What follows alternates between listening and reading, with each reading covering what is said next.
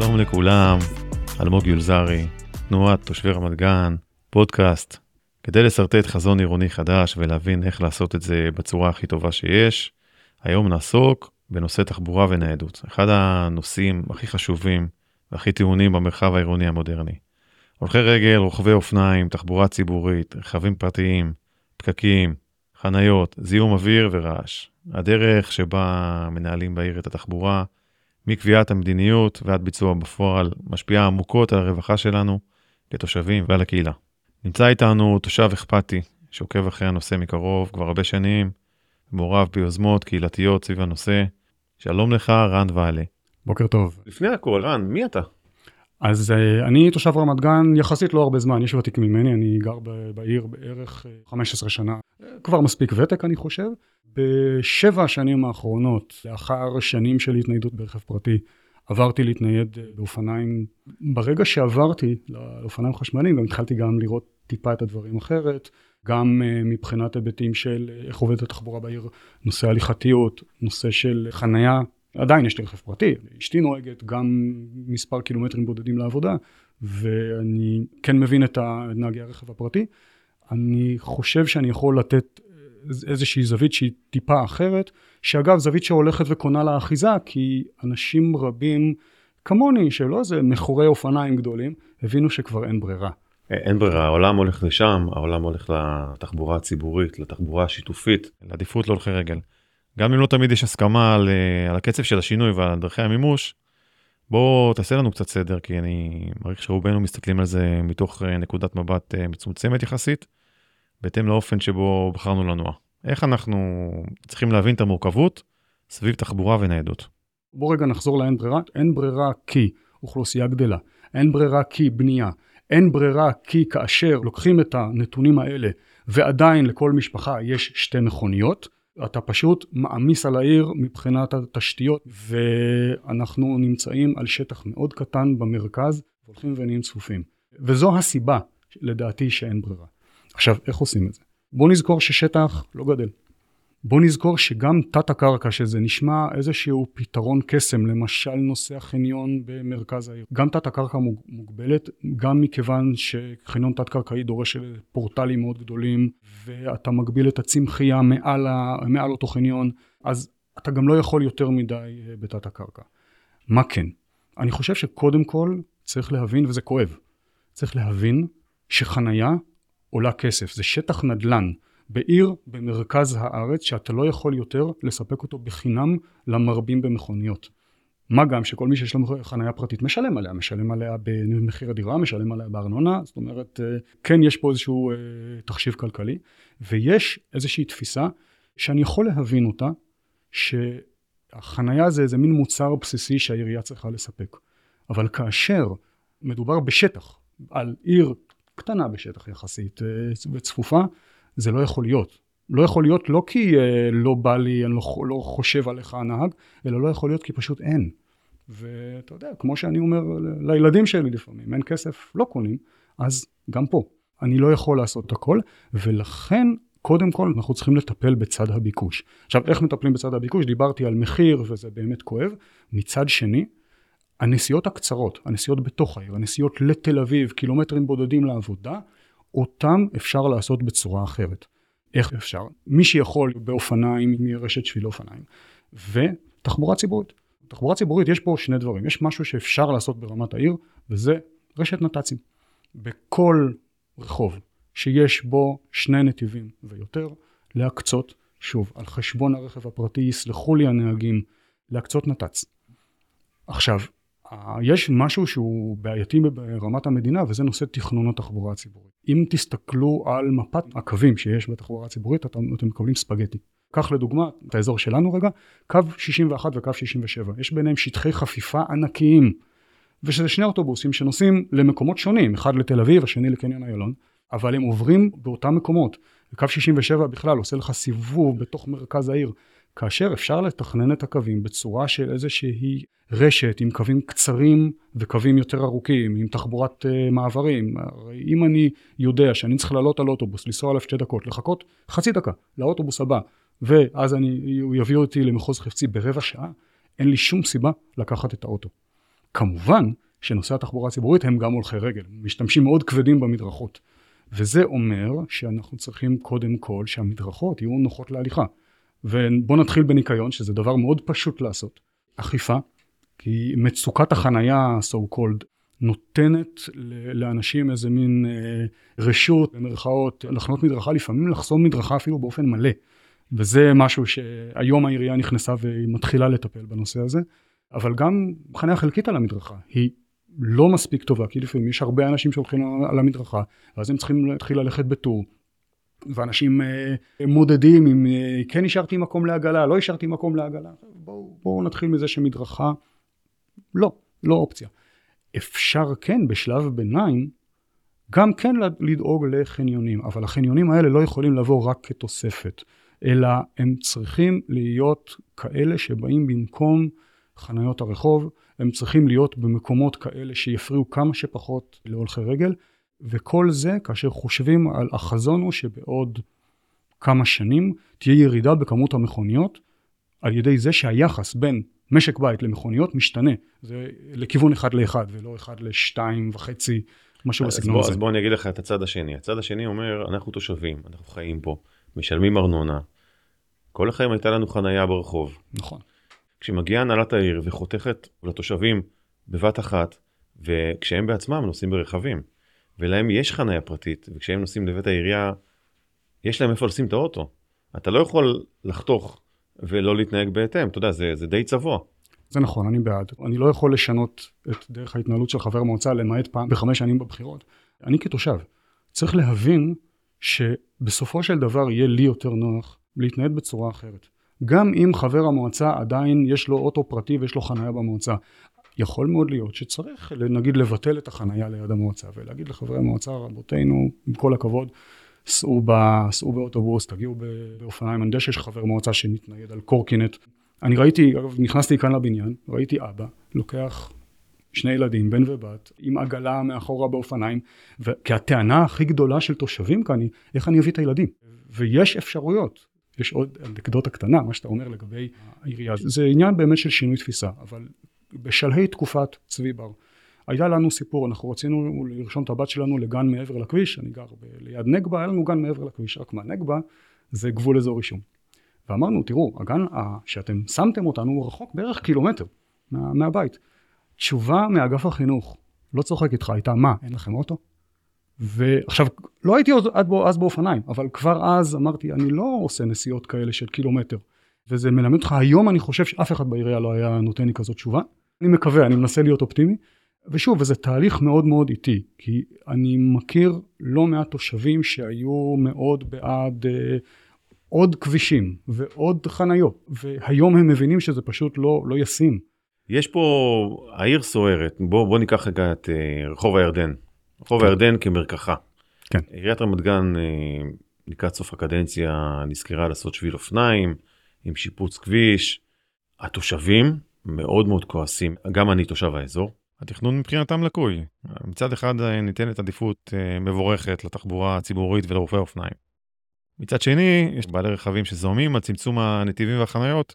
זה אומנם מתח קלאסי ברמה העירונית, מוצדק מצד התושבים כלפי העירייה, לגבי אופן הביצוע ועל כך שלא היה מספיק דיאלוג עם התושבים כדי להבין את הצרכים הייחודיים של תושבי השכונה. איך פותרים את הדבר הזה? בוא ניקח רגע, קודם כל ניקח את אה, נושא הפקק. יצא לי לא אחת אה, לנסוע באופניים עדיין על הכביש, עוד אה, בטרם נפתח השביל, והמון פעמים אתה רואה מבחינת הפקק, אתה רואה כמובן פקק בירדן, יש שעות שאתה לוקח חצי שעה עד שעה אפילו לצאת מה, מהירדן, ואתה רואה שהפקק הזה ממשיך גם, אה, אני יצא לי לנסוע אחר כך על פרץ ברנשטיין, ואני רואה שממולי עדיין יש פקק עד לכיוון הפארק הלאומי. זאת אומרת, אם אתה מסתכל רגע על הפקק, אתה מבין שהפקק הוא דווקא, הגורם לו הוא דווקא אלוף שדה, דווקא צוואר הבקבוק הוא שם. זה נכון שבזמן העבודות נלקחו נתיבים, שאני כל הזמן שומע שהנתיבים האלה יחזרו, ואני חושב שברוב הכביש הנתיבים חזרו, יש איזשהו צומת שאני לא מבין איך אפשר להחזיר את הנתיבים שם, את שני הנתיבים, שזה הצומת של בן אליעזר, משה דיין. יש זה... נתיב שמאלה. כן, יש נתיב שמאלה ויש, נת... 아, ויש, ו... ויש עוד צומת uh, באצ"ל, שגם הוא עם אה, נתיב שמאלה נכון. ו- ונתיב ישר, אני חושב שאפשר... ותחנת אוטובוס אה, כן. במרכז יש- הצומת. עכשיו, השיפוץ עצמו, קודם כל, הנתיבים האלה נלקחו בגלל העבודות בירדן, לא נלקחו בגלל שביל האופניים, ואני חושב שלבוא ולשים את שביל האופניים כאשם אה, בצמצום הנתיבים זה לא נכון, כי אם, אני לא יודע אם אתה זוכר, זה, זה התחיל הרי באיזה פוסט בפייסבוק של אה, ראש העירייה, שאמר, אה, הנה תבחרו אה, כמה אפשרויות, ובאפשרויות לא היו, לא היה שביל אופניים. והיה לחץ גדול מצד תושבים כמוני, וכמובן אני הייתי שם, כשצריך שיהיה שם שביל אופניים. אבל שביל האופניים הוא לא הסיבה לזה שיש פקקים ולזה שצומצמו שם הנתיבים. הפקק, שוב, זה אלוף שדה, אפשר לראות את זה, וגם צמצום הנתיבים כי הרחיבו שם את המדרכה. שאגב, משהו מבורך אה, גם כן. הרחבת המדרכה, גם ללא השביל אופניים, שביל האופניים הייתה לוקחת החניות. אז זאת אומרת, מבחינת החניות אנחנו מדברים פחות או יותר לדעתי על אותה תמונה. יש פה משהו שאמרת שהוא לכשעצמו בעיה, שמתבצע שיח עם uh, תושבים דרך פוסטים בפייסבוק. זה נורא ואיום בעיניי, זה סוג של uh, פלסטר להגיד, uh, במרכאות דיברנו עם התושבים. במקום באמת לדבר עם התושבים וגם להיות מוכנים לספוג uh, ביקורת עניינית. יש כמה דברים שאני גם מבקר את התוצאה הסופית שאנחנו כבר מתחילים לראות אותה. השתדלתי לא לדבר כל עוד זה היה באמצע העבודות. אני חושב שאנחנו כבר מתחילים לראות את התוצאה הסופית, ויש שם, אה, למשל, יש שתי תחנות אוטובוס. אחת זו תחנה צפונית בצפון של הירדן, ועוד אחת, אני חושב, באזור פנחס, תקן אותי אם אני טועה, לא. ששביל אופניים עובר לפני התחנה. זאת אומרת, הנוסעי האוטובוס צריכים לעבור על שביל אופניים כדי להגיע לאוטובוס.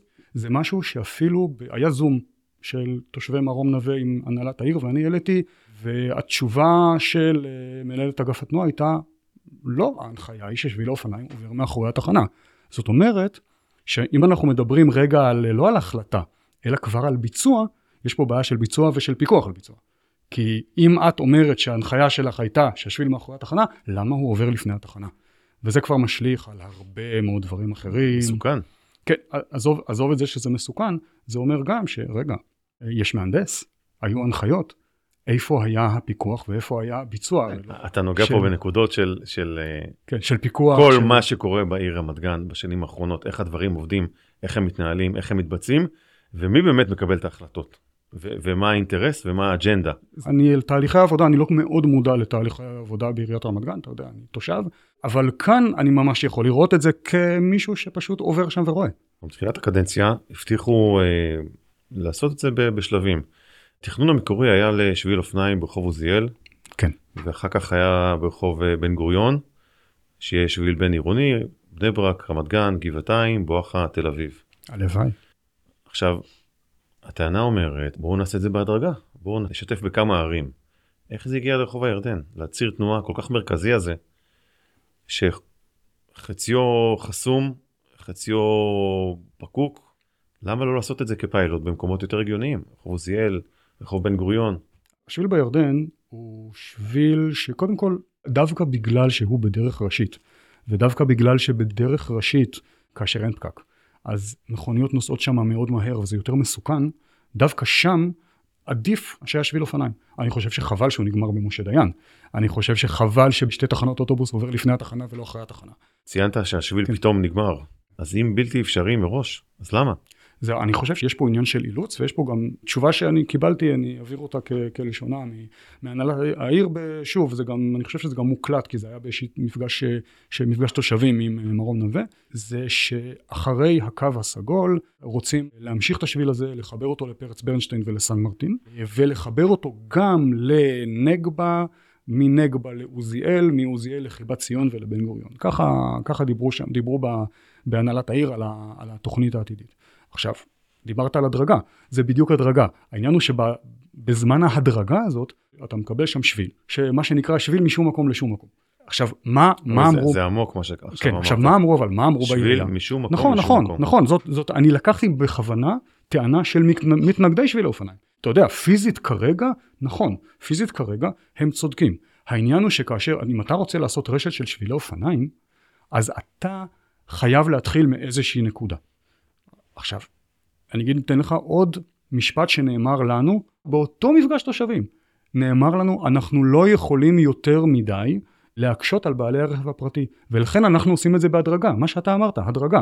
אז אנחנו עושים בירדן, אנחנו אחר כך נעשה בנגבה מתישהו, ואנחנו קיבלנו תוכנית לשנים קדימה, אני חושב שחייבים לצופף את התוכנית הזאת, לעשות אותה הרבה יותר מהר, אבל בינתיים אתה מקבל לפחות דרך שהיא פתאום יותר סימפטית למשך איזה שתי דקות, שלוש דקות רכיבה, ואחר כך אתה ממשיך לנסוע בדרכים פחות סימפטיות, כי... מה זה פחות סימפטיות? בוא, בוא נדבר רגע, אתה יורד לכביש. ברור, לאותו פקק. מדרכה היא לא אופציה אגב.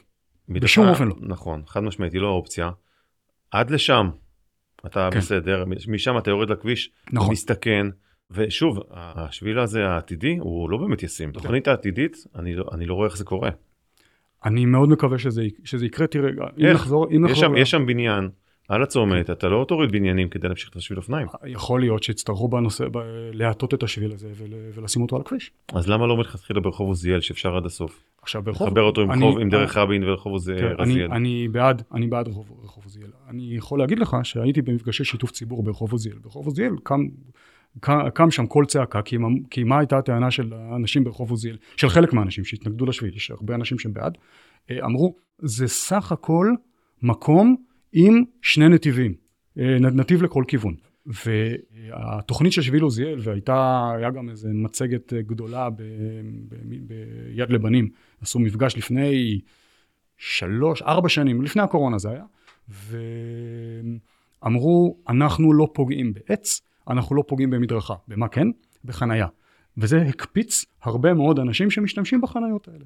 עכשיו, מה, מה קרה בעוזיאל בינתיים? בעוזיאל בינתיים אמרו, אנחנו נמיר את חניות הרחוב לחניונים. אז עשו חניון במקום מגרש בטיחות בדרכים אה, בעוזיאל, אז בינתיים נשארנו עם החניון, תוספת של מקומות חניה, אין שביל. בואו נרחיב רגע את הנושא על עיר מתפתחת. כן. ונדבר רגע על ניידות של הולכי רגל.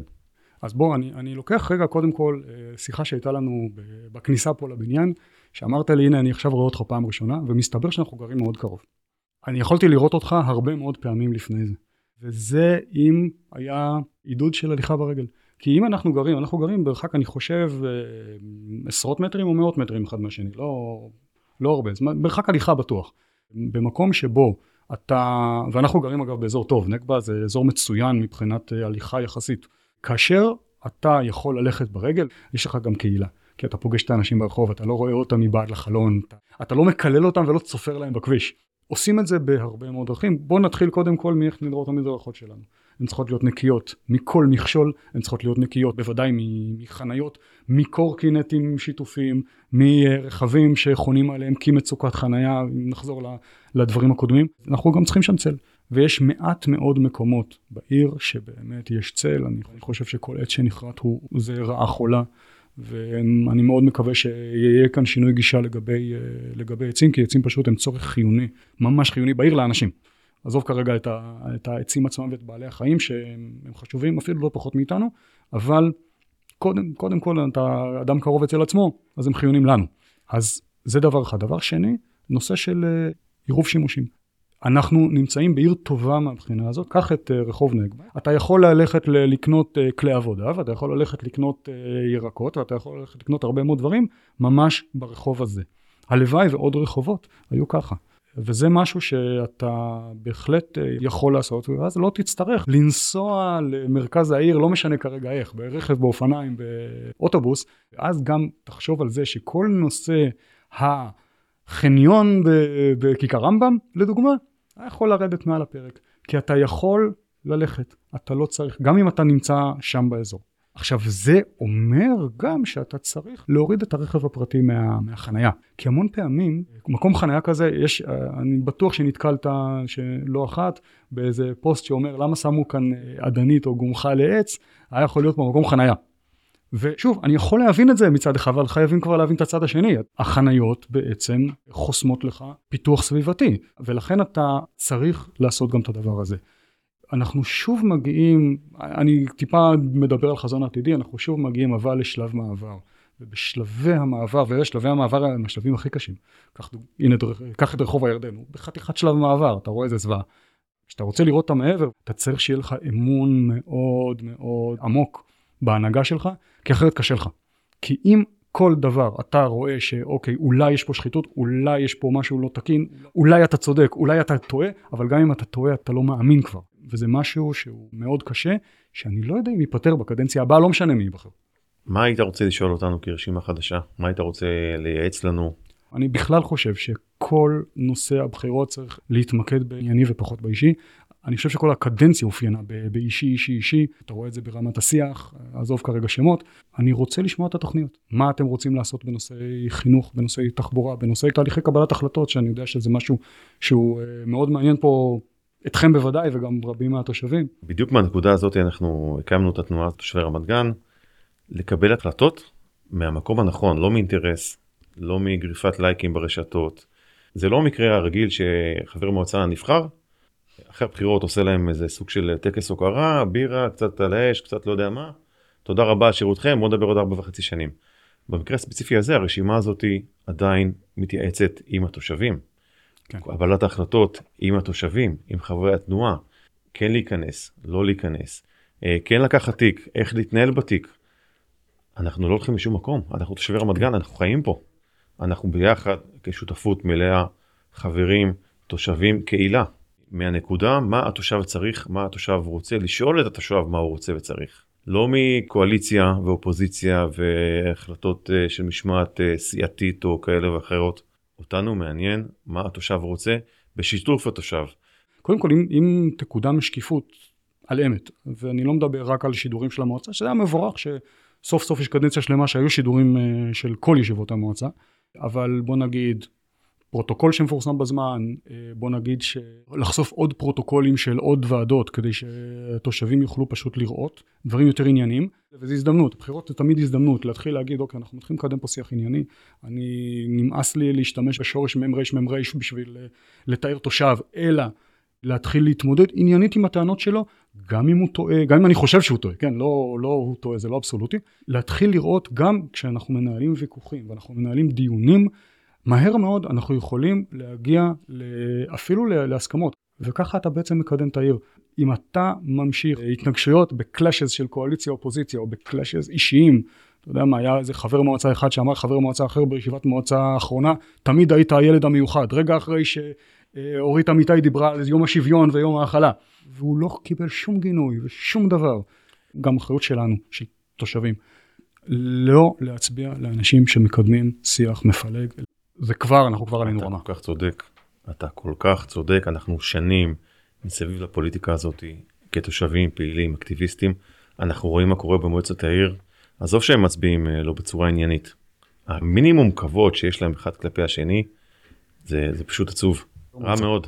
נציגי ציבור בכל כן, זאת. יכול להיות שהם מרגישים שזה הסטנדרט. אני הפסקתי לראות את הלייבים, ויש פעמים שאתה רואה את הלייבים ואתה גם רואה את התגובות. תושב אחד שמגיב אותו דבר כמה פעמים. אתה מבין כנראה שזה הסטנדרט ואני חושב שאנחנו תושבים צריכים לשנות את זה. הסטנדרט הזה לא מקובל עליי. כן, הסטנדרט כן. הזה שאנשים מרימים את היד על פי משמעת קואליציונית, אני לא מצליח להבין את זה.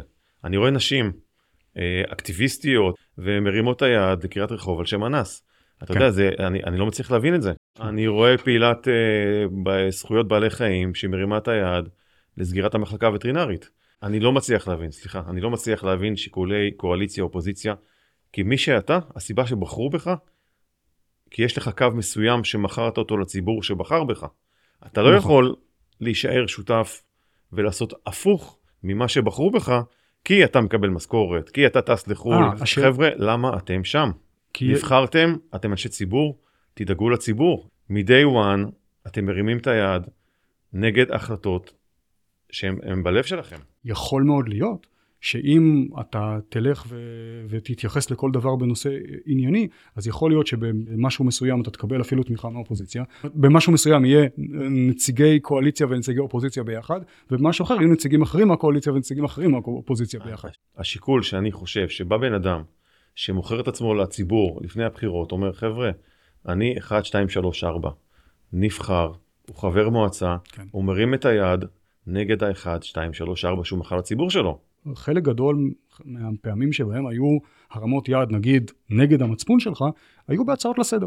ההצעה לסדר עצמה, מי שהעלה אותה, ידע שהיא לא תעבור, אז הוא גם העלה שם הרבה מאוד התנגחויות כלפי הנהלת העיר. וההצבעה היא הייתה הצבעה לגמרי לפרוטוקול, לגמרי טקסית.